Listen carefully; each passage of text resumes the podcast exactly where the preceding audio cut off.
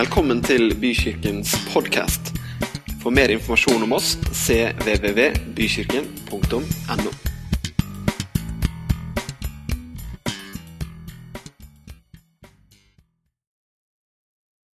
Veldig fint å være her. Herlig å se alle som er her. Pluss dem som ikke kan se. Veldig, veldig fint. Du stussa på det, men du vet at eh, når kristne møtes, så er det alltid mer engler der enn folk. Det, det, men du ser dem ikke, vet du. Men det er viktig å skjønne at du har en engel, jeg har en engel. Så det vil si at eh, det er like mange engler her som det er folk, pluss alle de englene som liker kristne møter. Og som da kommer i tillegg. De liker å være med i sangen og sånn. Så, så jeg, jeg håper å si, jeg hilser ikke dem velkommen. De vet at de, de er liksom sånn bak kulissene. Veldig fint å se deg, da, som er her synlig. Veldig, veldig bra. Vi skal få ha et uh, fortsatt veldig velsigna og fantastisk møte. Ikke fordi jeg skal preke, men fordi Jesus er her. Og når Jesus er der, vet du, så blir det alltid et eller annet som setter spissen på det. kan jeg love deg. Du vet, Jesus er ikke vanlig standard. Ja, altså, Noen har gjort Jesus veldig alminnelig, men han er ikke alminnelig. vet du. Han er Guds sønn. Han er annerledes enn det man forventer seg. Så Jesus, når du studerer han gjennom hans liv, så vil du se det at hvis han er på båttur, så stiller han sjøen. Stiller stormen.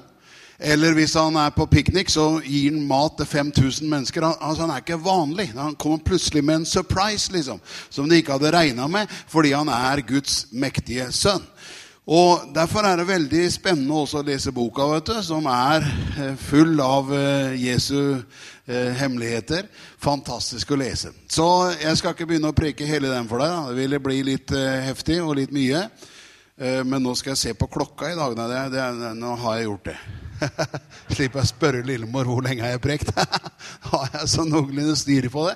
Det lover ingenting om hvor lenge det blir, eller hvor kort det blir. Jeg bare sier nå har jeg sjekka når jeg starta. Ehm, jeg kjenner jeg føler meg veldig hjemme her i Tønsberg. Bykirken. Kjenner meg veldig hjemme. Jeg har vært her én gang før, bare, så jeg er kanskje litt for eh, dristig når jeg slår ut håret her i, håret her i formiddag. Men jeg kommer til å gjøre det uansett.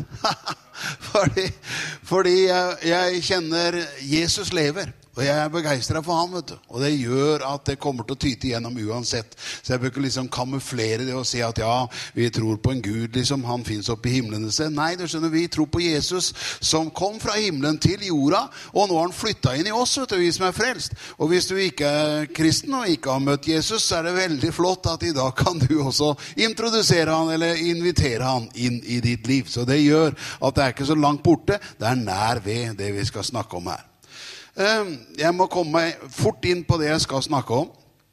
Du vet at Bibelen som sagt er en fantastisk bok. fantastisk bok. Så jeg anbefaler den fra perm til perm. Men det fins noen måter som du virkelig finner ut mer av hva som står i Bibelen. Eh, derfor anbefaler jeg deg f.eks. hvis du har liksom lest litt Bibel, så anbefaler jeg Paulus. Han har skrevet en hel del bra brever i Nytestamentet som jeg anbefaler. Men ellers så vil jeg lede deg i formiddag til Johannes.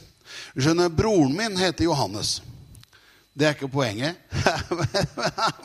det er bare ofte en sånn landingsplass for med at broren min heter Johannes. For jeg har en bror som er syv år eldre enn meg. Han heter Johannes. Og det er en trygghet noen ganger, for det hender av og til jeg ikke vet riktig hvem jeg er. og hvor jeg er. Men broren min heter Johannes. Det er liksom landingsstripa som jeg alltid har et ankersjef for sjelen, for å si det sånn. Eh, og Johannes, vet du, i Bibelen, Johannes evangelium er fantastisk å lese. Og Johannes skrev tre brever også. og Han skrev Johannes' åpenbaring òg. Så fem bøker i Bibelen er eh, signert Johannes. Nå er det ikke han, det er Guds levende ord, men det er viktig å oppdage Johannes har sin spesielle stil å skrive. For det er sånn Gud har satt sammen Bibelen, at det er forskjellige skribenter med forskjellig hva skal jeg si, valør og forskjellig måte. Det er klart, Hvis du vil, hvis du vil synge, ja, så kan du gå midt i boka Davids salmer, 150 salmer midt i boka. Det er ikke Landstads reviderte, det er Davids parfymerte. Fins midt i boka. Midt i denne boka her. Så der kan du synge, vet du. Så du virkelig kjenner det er deilig. Men jeg sier at Johannes han er en festlig eh, karakter. Og han var jo den som lå opp til Jesu bryst under nadveren, og som sa til Jesus Eller han kalte seg i Johannes evangelium 21, så kaller han seg den disippel som Jesus elsket. Men egentlig så, så var det bare noe han hadde oppdaga, at Jesus elska han. For det står ingen andre steder i Bibelen at noen andre forfattere sier at Johannes var den disippel som Jesus elsket. Det er bare han sjøl som sier det. Det er litt interessant. Så hvorfor sier han det sjøl? Jo, for han har skjønt han elsker meg. Skjønner, Det betyr han elsker alle like mye som han elska Johannes. Det var ikke så Johannes som var en spesiell liksom, kjærlighet til Johannes. Han elska Peter like høyt, Bartolomeus like høyt, alle de andre like høyt. Men det var at Johannes hadde skjønt det. Han skjønt han elsker meg. Så derfor er Johannes en veldig varm uh, skribent, kan du si. Nå må jeg se å komme i gang. For når du da går Jeg er i gang, forresten. Når du da går i Johannes evangelium kapittel 1, 2, 3, 4, 5, 6, 7, 8, 9 osv., så sånn, så vil du se at fra kapittel til kapittel så vinner han mennesker. Det er veldig festlig å se fra første kapittel hvordan Jesus begynner da å fiske mennesker. Hvordan han plukker en og en. Peter, Johannes, eh, Andreas osv. Så sånn. Han finner dem én og én. Og det, det, det, er festlig. Så jeg skal ta det til et kapittel, nemlig Johannes 4. Bare så du skjønner at jeg liksom ikke bare svømmer rundt her. Jeg skal ta deg med til Johannes 4. Men jeg sier i kapittel 1 så ser du det at Johannes han eh, treffer på noen, eh, noen eh, som blir frelst. da, Philip og Andreas og så videre sånn.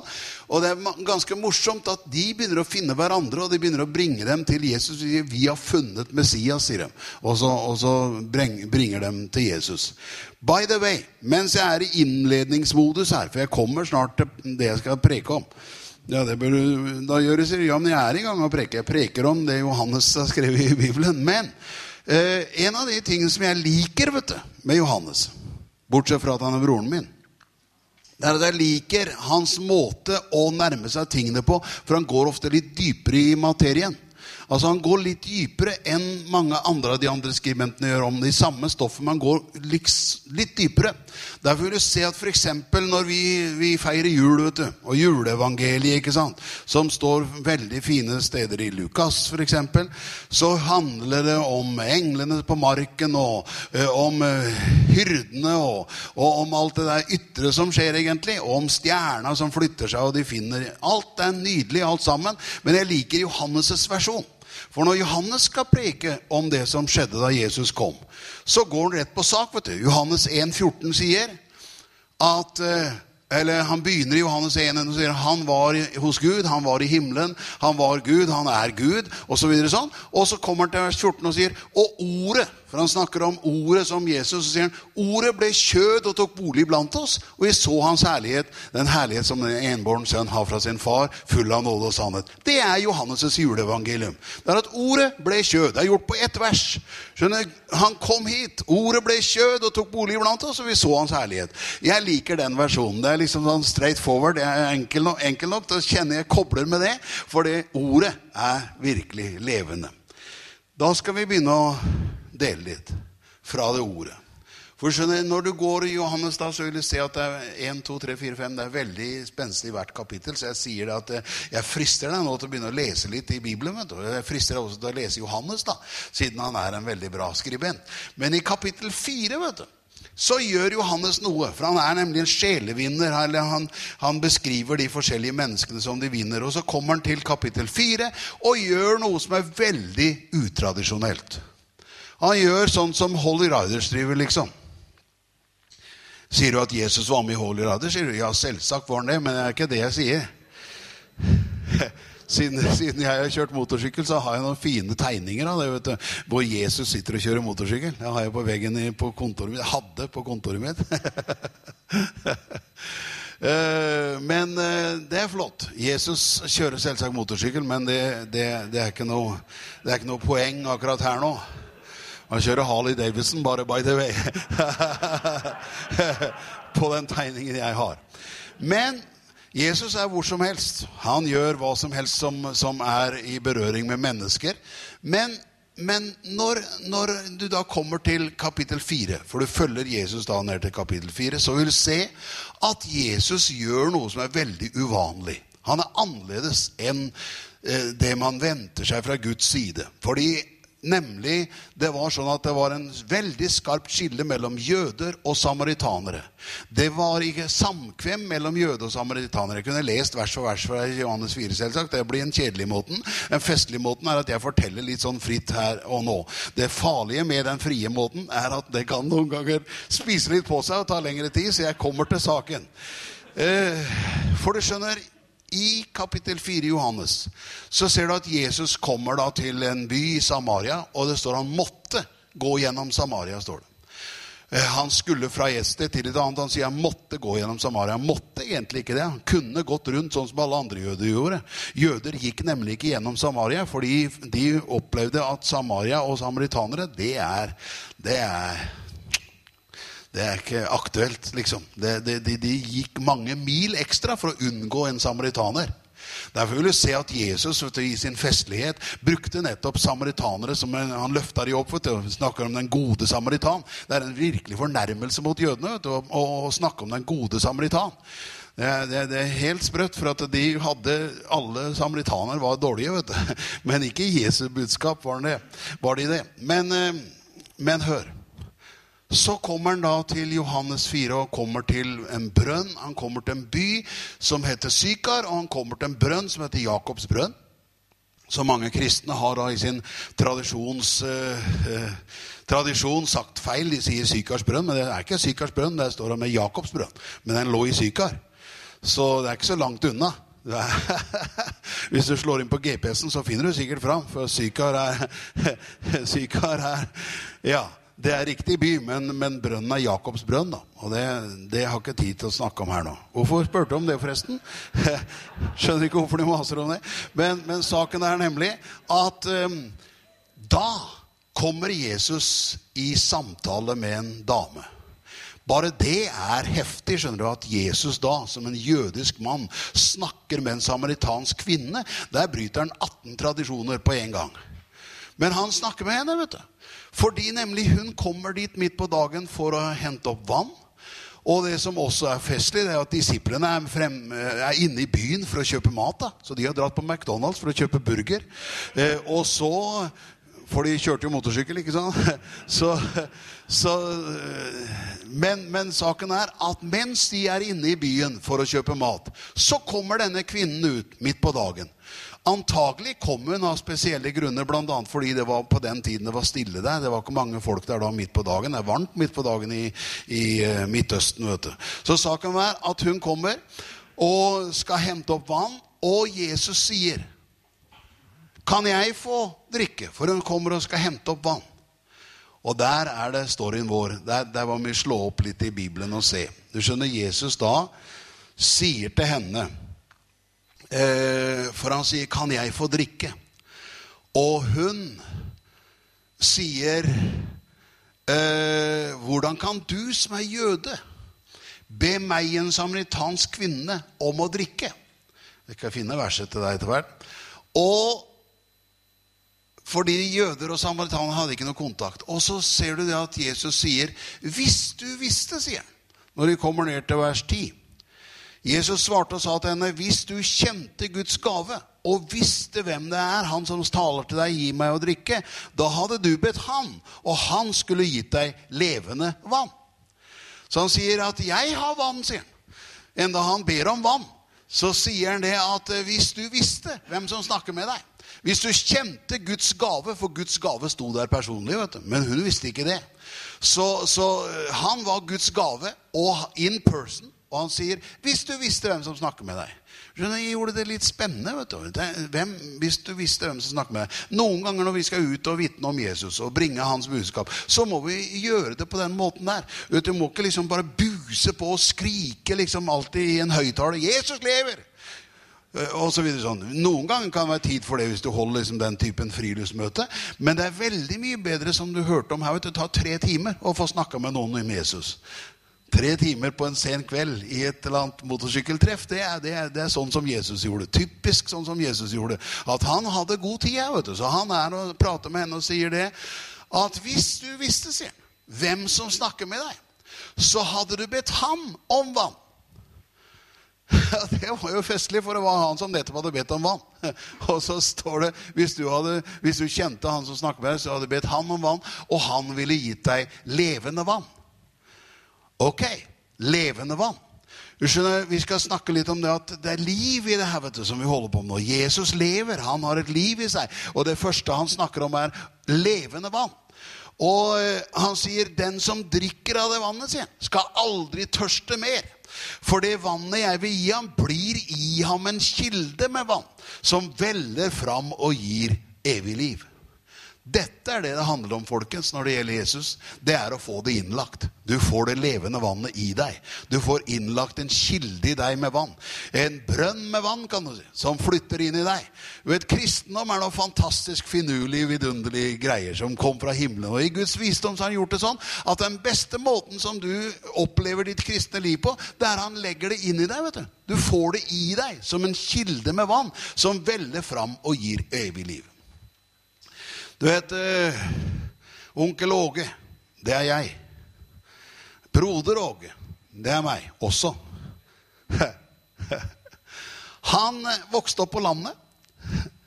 Begynner å snakke om meg i tredje person her nå. Jeg vokste opp på landet. En av de tingene som vi hadde gleden av på landet vet du, den gangen jeg var barn For allerede som barn var jeg en liten gutt. Det er viktig å få tak på så, så var det sånn at når jeg var barn, vet du, så der hvor jeg bodde ute på landet, så hadde ikke alle innlagt vann.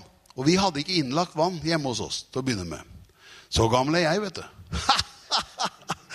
det fantes folk som hadde innlagt vann, men jeg vil si, vi hadde ikke innlagt vann da. Og det betyr at vi henta vann i en brønn. Og du skjønner, en brønn er et veldig bilde som Jesus bruker her. For de står jo ved en brønn her nå. I, i, i eh, Samaria står de ved en brønn. Og de, de eh, henter opp vann fra en brønn. Og den kvinnen lurer veldig på hvor har du det levende vannet fra. Brønnen er dyp, sier hun. Vi kunne gått gjennom hvert vers, jeg vet men jeg bare gir deg noen uh, stikkord. Skjønner, Brønnen er dyp, sier hun. Og, og hvor skal du få opp, hvordan skal du få opp vannet? Og Jesus han sier det at hvis du visste hvis du visste hva jeg snakker om, så ville du forstått at det vannet jeg snakker om, det er sånn at du får det i deg. Det flytter inn i deg. Du drikker av det vannet jeg vil gi, så blir det i ham en kilde. Det blir altså en innlagt kilde, en innlagt brønn. Å, hva glad jeg er at jeg har fått det innlagt. Å, hva glad jeg er at jeg ikke går rundt og prøver å være kristelig. Hva glad jeg er at jeg ikke prøver å gå rundt og være religiøs. vet du. Selv om du snakka om at det var tre religiøse ting som vi gjorde her i dag, så, så, er det likevel sånn at jeg er veldig glad for at det skjærer helt klart fra meg. vet du. For du skjønner, det jeg holder på med, er levende. Liv, kan du si. Så ikke, ikke misforstå meg, men forstå meg. For saken er, du skjønner, du får et liv inni deg. Et levende vann inni deg som veller fram og gir evig liv. Det er derfor jeg er glad jeg vet hvordan en brønn virker. vet du, For det er sånn at det, det, det, det kommer opp vann. Du vet, En vannkilde den bobler opp med vann. Akkurat som en oljebrønn. vet du, Der kommer det olje. ikke sant?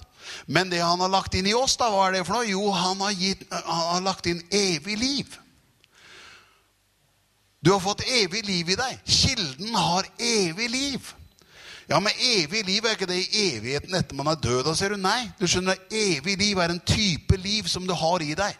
Det er som et vann som har flytta inn i deg når du tar imot Jesus. Og det er kilden som gjør at du holdes gående. Det er fantastisk å ha det innlagt. Det er fantastisk å slippe å prøve å være kristelig eller prøve å oppføre seg kristelig. Du har det i deg. vet du. Det fins i deg allerede som en kilde med vann som veller fram og gir evig liv. Det vil si at når kilden bobler opp, da, så er det som, som kommer opp i kilden, er evig liv. Tåler du litt sånn eh, 'Jeg skal ikke bli dyp'. Jeg syns du er dyp. Jeg sier nei, brønnen som var dyp. Det er viktig å få med seg forskjell på det. Nei, men jeg skal ikke plage deg med noen veldige utlegninger. Men la meg forklare for deg, siden vi kan gresk, vet du. For du kan jo gresk når du går på kristne møter, for Nytestamentet ble skrevet på gresk. Så, så saken er nemlig at eh, når det står at eh, det vannet som, kom, som, jeg vil gi deg, blir i en kilde med vann som veller fram og gir evig liv. Evig liv, Det greske ordet for evig liv er soe ainon. Det vil si Zoe betyr liv, og ainon betyr evig. Og skjønner, Zoe ainon det er det greske kurset du får her i formiddag. Så du kan gå og snakke med noen som du treffer senere. Jeg har vært på greskhusk i formiddag. Eh, lærte litt gresk, liksom. Ja, det er veldig bra. Zoe ainon, skjønner du, det fins evig liv som flytter inn i deg, og som bor inni deg. Det veller fram. Du vet at eh, som sagt, en vannkilde, der kommer det vann opp. En oljekilde, der kommer det olje opp. Men hva kommer opp av deg? Jo, evig liv. Hva er evig liv? Jo, soeainon. Hva betyr soeainon? Han sier det betyr den slags liv som Gud lever. Den slags liv som Gud har. For det er liv i Gud, og livet er i Hans Sønn. Og så står det 'Å, jeg kom for at dere skal ha liv'. Så Denne typen liv vi snakker om nå, dette er dypt, skjønner du, men det er veldig enkelt. Denne typen liv, det fins i Gud. Han har det evige livet. Det skjønner du. Og så har Jesus det evige livet. Så han kom til jorda for å introdusere det evige livet. Jeg kommer for at dere skal ha liv liv, sier han. Så han ville ikke bare at Gud og Jesus skulle ha liv, men de skulle få liv. Og det betyr vi som er her, skulle få liv. Skulle, altså han kom for å gi oss det livet som han hadde, og som Gud hadde. Det livet flytter inn i oss. Dette kan du lese mye om i Johannes evangeliet. Du kan f.eks. komme ned til 14 da, i Johannes 4, hvor det står at det blir i ham kilde med vann. Så kan du gå over i 5. og 6. kapittel og lese mer om det levende vannet. Men det holder som et grunnkurs her i formiddag. Du har fått en kilde i deg med levende vann. Amen. La meg gå litt videre. Skjønner, Det der levende vannet, vet du, det er det vi kan spraye folk med når vi er ute. Dere som skal ut i, i sommer du, på tur, så er det viktig å skjønne det at vi har fått i oss et vann vet du, som også da På pinsedagen så, så kom det vannet eh, over oss i rikere strømmer. Det står om en kilde med vann som blir i oss. Men så står det det at eh, den ånd som vi skulle få, som trodde på han, nemlig den ånd som skulle komme på pinsedagen, og det står i Johannes 7, da, for deg som vil finne enda mer Jeg har ikke tid å slå for deg, vet du, men Johannes 7 vers 37-39, så står det om her at han talte om den ånd som de skulle få som trodde på ham. Han snakket om pinsedagen, for ånden var ennå ikke kommet fordi Jesus ennå ikke var herliggjort. Men, herliggjort. men nå er Jesus herliggjort. Satt seg ved Gud Faders høyre hånd, har utøst Den hellige ånd. Og skjønner, da snakker plutselig Jesus om det, at den som tror på meg fra hans indre skal det renne strømmer av levende vann. Da er det ikke lenger bare en kilde, da er det strømmer. Det ordet 'strømmer' vet du, for deg som driver fortsatt er på greskurs her, det betyr elver. Altså Han har lagt inn i deg ikke bare en brønn med vann, den er mer sånn til eget eh, opphold. Den er mer en sånn brønn som du drikker av hjemme. Men saken er du har fått strømmer, elver av levende vann, som strømmer fra ditt liv. Så det vil si at når du kommer, så har du med deg en elv av livet. Det er derfor det er veldig spennende å operere i Jesus. Det er derfor veldig for meg, for meg er det spennende å være på et sånt møte som det her. For jeg vet at etter hvert som jeg skrur opp kranene her, så stiger vannet. vet du, For Elva flyter. Og det gjør at du kommer til å bli berørt av det, enten du liker det eller ei. Du kommer til å bli berørt av Guds nærvær her i dag. Jeg prøver ikke å skremme deg, jeg prøver å velsigne deg. Snakker så fort, sier du. Ja, det, men det, det må bli det. Det må bli sånn. Bare for å holde deg oppdatert på det, så er det sånn at, eh, at eh, jeg ble beskyldt for det først når jeg var ute og preka, at jeg snakket så fort. vet du. Så de sa du snakker så fort, får ikke tak i det du sier. Så jeg snakka med Jesus om det, da, siden han er sjefen. Og jeg sa de syns jeg snakker så fort. Skal de ikke være bekymra for, sa han. For det står i Bibelen 'såre hastig løper hans ord'. Så det er, det er på Bibels grunn. Dessuten, sa han, så har du vel lest i Jobbs bok om Elihu. Men det hadde ikke jeg. vet du. Her i Tønsberg fins jo en menighet som heter Elihu. til ham. Men, men jeg, den gang visste ikke jeg det. Så, så det står om Elihu at han beskriver at jeg er full av ord. Jeg må tale for å få luft. Ånden i mitt indre driver meg sier Eliu, for han hadde sittet og vent på, ventet på mange gamlinger som dere skulle si noe, men som ikke hadde noe egentlig å gi jobb. Da. Så til slutt så kjente han det at nå er det min tur. Nå, nå har jeg venta lenge nok. Jeg må tale for å få luft. Jeg må slippe løs. Det som nyfylte skinnsekker vil det revne, sier. Så du skjønner, han var sprekkeferdig vet du, av noe. Hva for noe da? Jo, han var full av ord. Så det gjør at det kommer fort av og til. vet Du Du skjønner, du er full av ord. Det er deilig å være full av ord. vet du. Jeg er full av ord når jeg kommer her i dag. Og det gjør jo det at eh, det er klart jeg kunne ha redigert det mye mer ordentlig og gjort det veldig mer sånn eh, saklig. Men saken er at det er bedre når du er full av det, og du taler for å få luft. Jeg må slippe det løs. Det er mye deiligere å lene seg bakover og slippe det løs og kjenne at da redigerer vi hele etterpå. Det er herlig å redigere i det livet som flyter ut. Halleluja. Og det kan hende det ikke er din stil, men det er min stil. Jeg har ikke noe valg av noen stil, men det er fantastisk deilig å kjenne. Jeg slipper løs det levende ordet, vet du. For levende vannet fins der, og det strømmer over, og det flyter i et møte sånn som det her. Halleluja. Det er det som gjør at plutselig treffer det, vet du. Det som skjer her i Johannes 4, da, og jeg er mer ryddig i min utlegning enn du er klar over. Du skjønner, Det som skjer her i Johannes 4, er at når Jesus da har holdt på å snakke om dette levende vann, og sånn, så kommer han til et par punkter som jeg vil vise deg. Det ene er det at plutselig så gjør noe som bare er pga. denne hellige ånd som flyter. Allerede her, før de har kommet. Hellige ånd flyter, og Jesus sier da Gå og hent mannen din, sier han. Når de begynner da å snakke om levende vann, og jeg vil hente vann, og vannet er i brønnen osv., så, videre, så sier han, gå og hent mannen din. Det var egentlig helt på siden å snakke om det. Så hun sier, 'Jeg har ingen mann', sier hun. Og Jesus sier, 'Det er, det er bra, det er sant. Der talte du sant', sier han, 'for du har hatt fem menn.' 'Og den mannen du har nå, er ikke din mann, så der talte du sant.' Det er, det er virkelig Jesus' måte å si det på. Når noen har skikkelig drite på draget, altså, så er det fantastisk å si det sånn som det. Jeg likte den måten som en, du liksom forklarte at dere snakka med en dame som var leps, lepsisk. lesbisk. Og, og, og, du skjønner, Det er vidunderlig å komme gjennom med Guds kjærlighet til mennesker. Og det gjør Jesus her. vet du. Den kvinne som har hatt fem menn, den mannen hun nå har, er ikke hennes mann. Det vil si, hun har fem mislykkede ekteskap, og så er hun nå samboer med en sjette, som er egentlig gift med en annen. Hvilket rot, sier jeg. Hvilket kaos som det var i den kvinnens liv. Men, men, men jeg skjønner, Jesus eh, lar ikke det hindre seg. vet du. Han snakker nettopp med en sånn dame. For vet du hva, folkens? Det er nettopp vi i den verden vi lever, hvor folk har mye trøbbel og det er mye kaos på mange områder. Der har evangeliet virkelig eh, passasje. Det er der evangeliet er kraftig og kan forandre menneskers liv. Så halleluja, sier jeg da. Det norske betyr ære være Gud. Pris Herren betyr det. Så hør her. Du skjønner, fantastisk hvordan Jesus da når hjem til denne kvinnen. Og hun blir sjokka. vet du. For plutselig skjønner hun noe som folk flest ikke skjønner.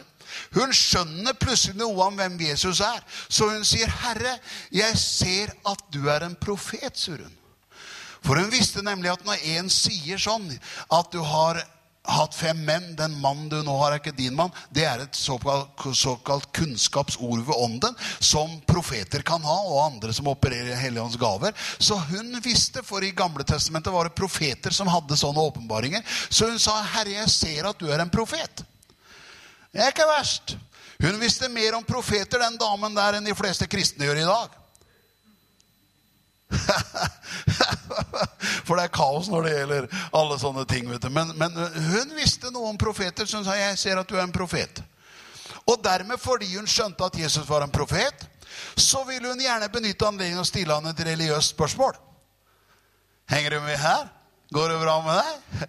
Ta Sjekk pulsen på sidemannen din. Du skjønner Det er viktig at det går bra med deg, så du får med deg det som, som skjer her nå.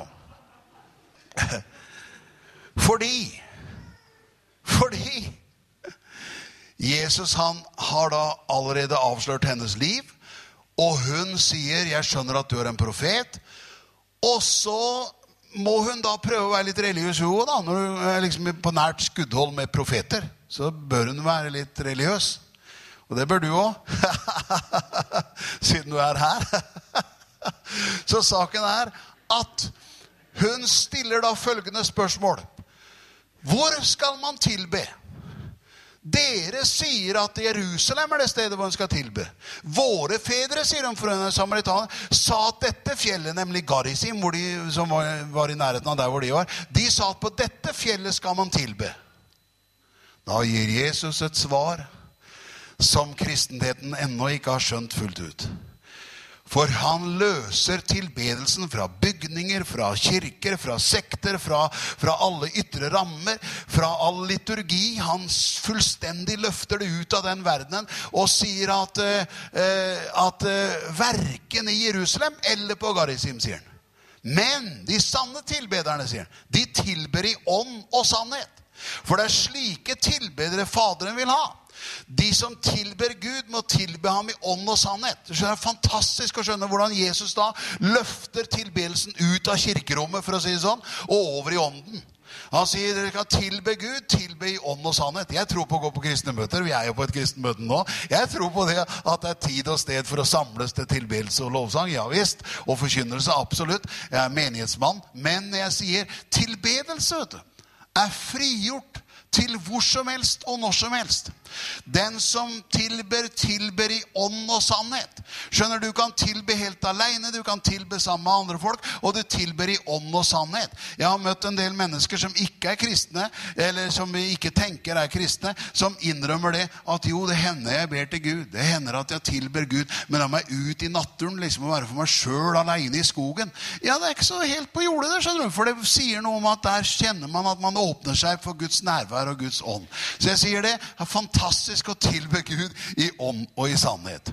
Dermed så må jeg begynne å gå inn for landing her. For jeg følger med på klokka. vet du. Jeg, har, jeg sekunderer meg sjøl i dag. Sist sekunderte jeg, fikk jeg lillemor til å sekundere meg, men nå sekunderer jeg meg sjøl.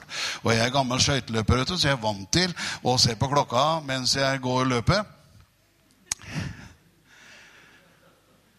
Siden vi er i Tønsberg, vet du, så et av de første stedene jeg virkelig deltok i skøyteløp, var i Tønsberg. Jeg bodde i Sarp. Jeg, vet du. Så vi var over vet du, med ferja og over hit og gikk skøyteløp på Tønsberg stadion. Og en av mine største helter på isen, Fred Anton Maier, vet du, han var her fra Tønsberg. Eh, og er avslutta løpet og livet nå, men fantastisk. Så det er helt fantastisk. Men, men, men, men det jeg lærte meg på skøytebanen, det er det vet du, at du kan, du kan holde, du må holde styring på rundetidene. og du følger, du blir sekundert. vet du. Så det står noen og sekunderer deg på vekslingssida med fingre opp og fingre ned. Og sånn. Og, og, og, det som gjør at etter hvert så måtte du lære deg det sjøl, så du hadde klokke liksom på deg når du gikk, så du kunne sekundere deg sjøl. Uh, by the way, Så jeg har klokke på meg nå mens jeg preker. og Jeg sier sekunderer meg sjøl, så jeg går inn nå for det avsluttende punktet her, og inn for landing. Også, skjønner du. Så det som er saken, er nemlig Hør her. Jesus i sin preken og når han har avslørt denne damen, og han har snakka om tilbedelse i ånd og i sannhet, så sier han noe som hører med til budskapet. Nemlig Han forklarer det at Eller storyen forklarer det. At denne kvinnen, vet du, hun ble en skikkelig evangelist, for å si det sånn. Hun hadde fått da oppfatta hvem Jesus var. Så det hun gjør Det står 'Kvinnen lot da vannkroken stå'. står det. Kunne lest de versene for deg men de står alt sammen i Johannes 4. Så du kan lese hele Johannes 4 når du kommer hjem. skal kjenne det er Alt sammen der, pluss mer er der. Så eh, han, hun lot vannkroken stå og sprang inn i byen. Skjønner, Dette er måten som en hel by får høre budskapet på kort tid. Det er det at han gjør noe med henne. Han åpenbarer ting for henne som gjør at hun begeistret løper inn i byen og sier 'Jeg har møtt en mann som har sagt meg alt jeg har gjort'. Det hadde han jo ikke. Bare sagt et par ting om hennes liv. Men nok til at hun kjente det traff så det suste. Så jeg har møtt en mann som har sagt meg alt jeg har gjort. Han skulle vel ikke være Messias, står det.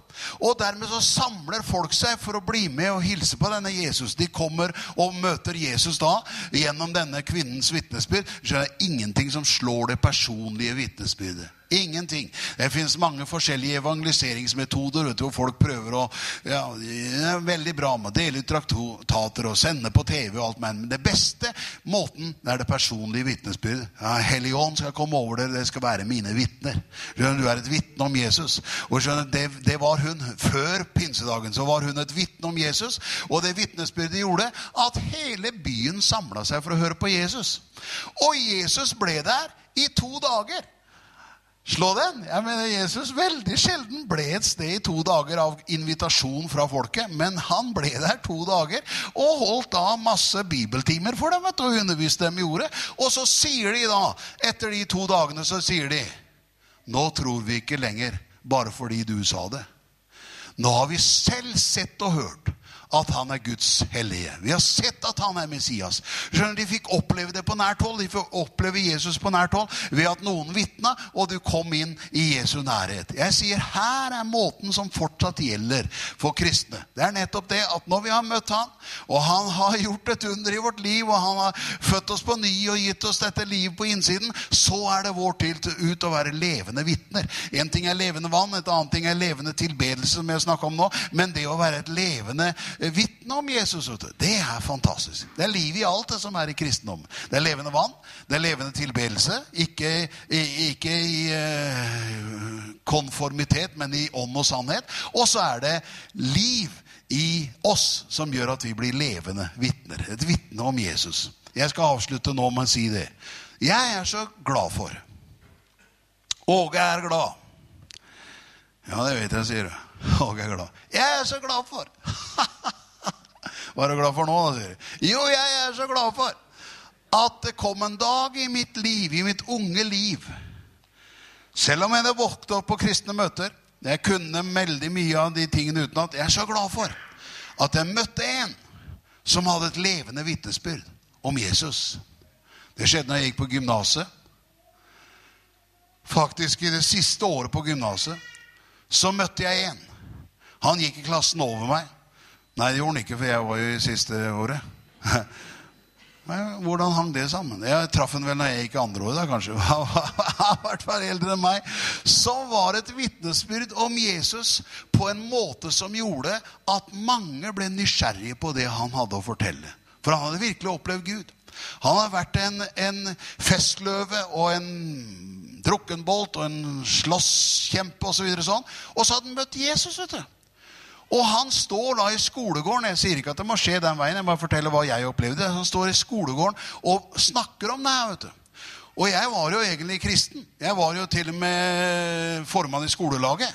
Likevel så var det han sier, det satt som et skudd i mitt hjerte. Jeg kjente dette dette må jeg få tak på. Og jeg fikk tak på det han hadde å dele. Han hadde noe å dele som gjorde at mange mennesker fant Gud og møtte Jesus. Det er akkurat sånn som står i Johannes 4 her, med denne kvinnen som blir frelst i, ved brønnen. Så jeg sier det fantastiske er jo at nå er det din tur. Nå er du allerede klar. Du er klar til å gå og fortelle mennesker om Jesus. Jeg er glad for at noen blir sendt ut da, med, med skinnvest og hele greia. Det er veldig bra. Sendt ut på motorsykkel, liksom. Og det tenker du ja, det var godt. Der drar de, liksom. Bless dem. Men eh, vent litt. Du skjønner, vi er sendt alle sammen. Han har sendt oss alle, vet du. Se, jeg sender dere. Han har sendt oss. vet du. Og siden de drar, da, så har jo du en fantastisk mulighet i Tønsberg. du da, vet du. Fantastisk. Du er sendt til. Gud har sendt deg fra himmelen til Tønsberg. Fantastisk. Ja, men er det noe sterkt? Ja, det er veldig sterkt. vet du. For gata, gata de har kanskje ikke hørt det som du har å fortelle. Kollegene dine har kanskje ikke hørt det du har å fortelle. Eh, eh, i hele tatt, Din verden har nødvendigvis ikke hørt alt det der du har opplevd med Jesus. Og vi er ofte redde for å snakke og lette på lokket, for vi er redde vi skal liksom bli ja, stigmatisert. Men saken er det er liv i det Jesus har å gi. Så det jeg sier, følg deg leda av Gud og finn ut hvordan han skal guide deg inn i det som du har å dele. Nå er jeg der hvor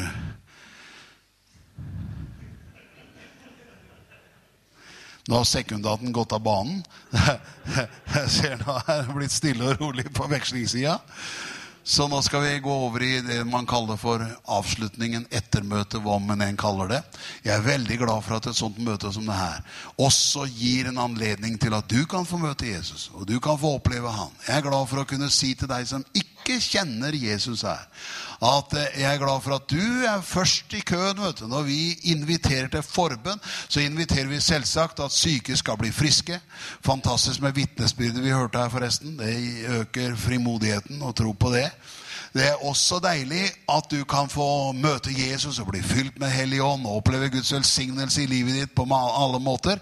Men det viktigste som skjer allikevel, når vi er sammen Selv om som vi er sammen, så er det flest kristne som regel.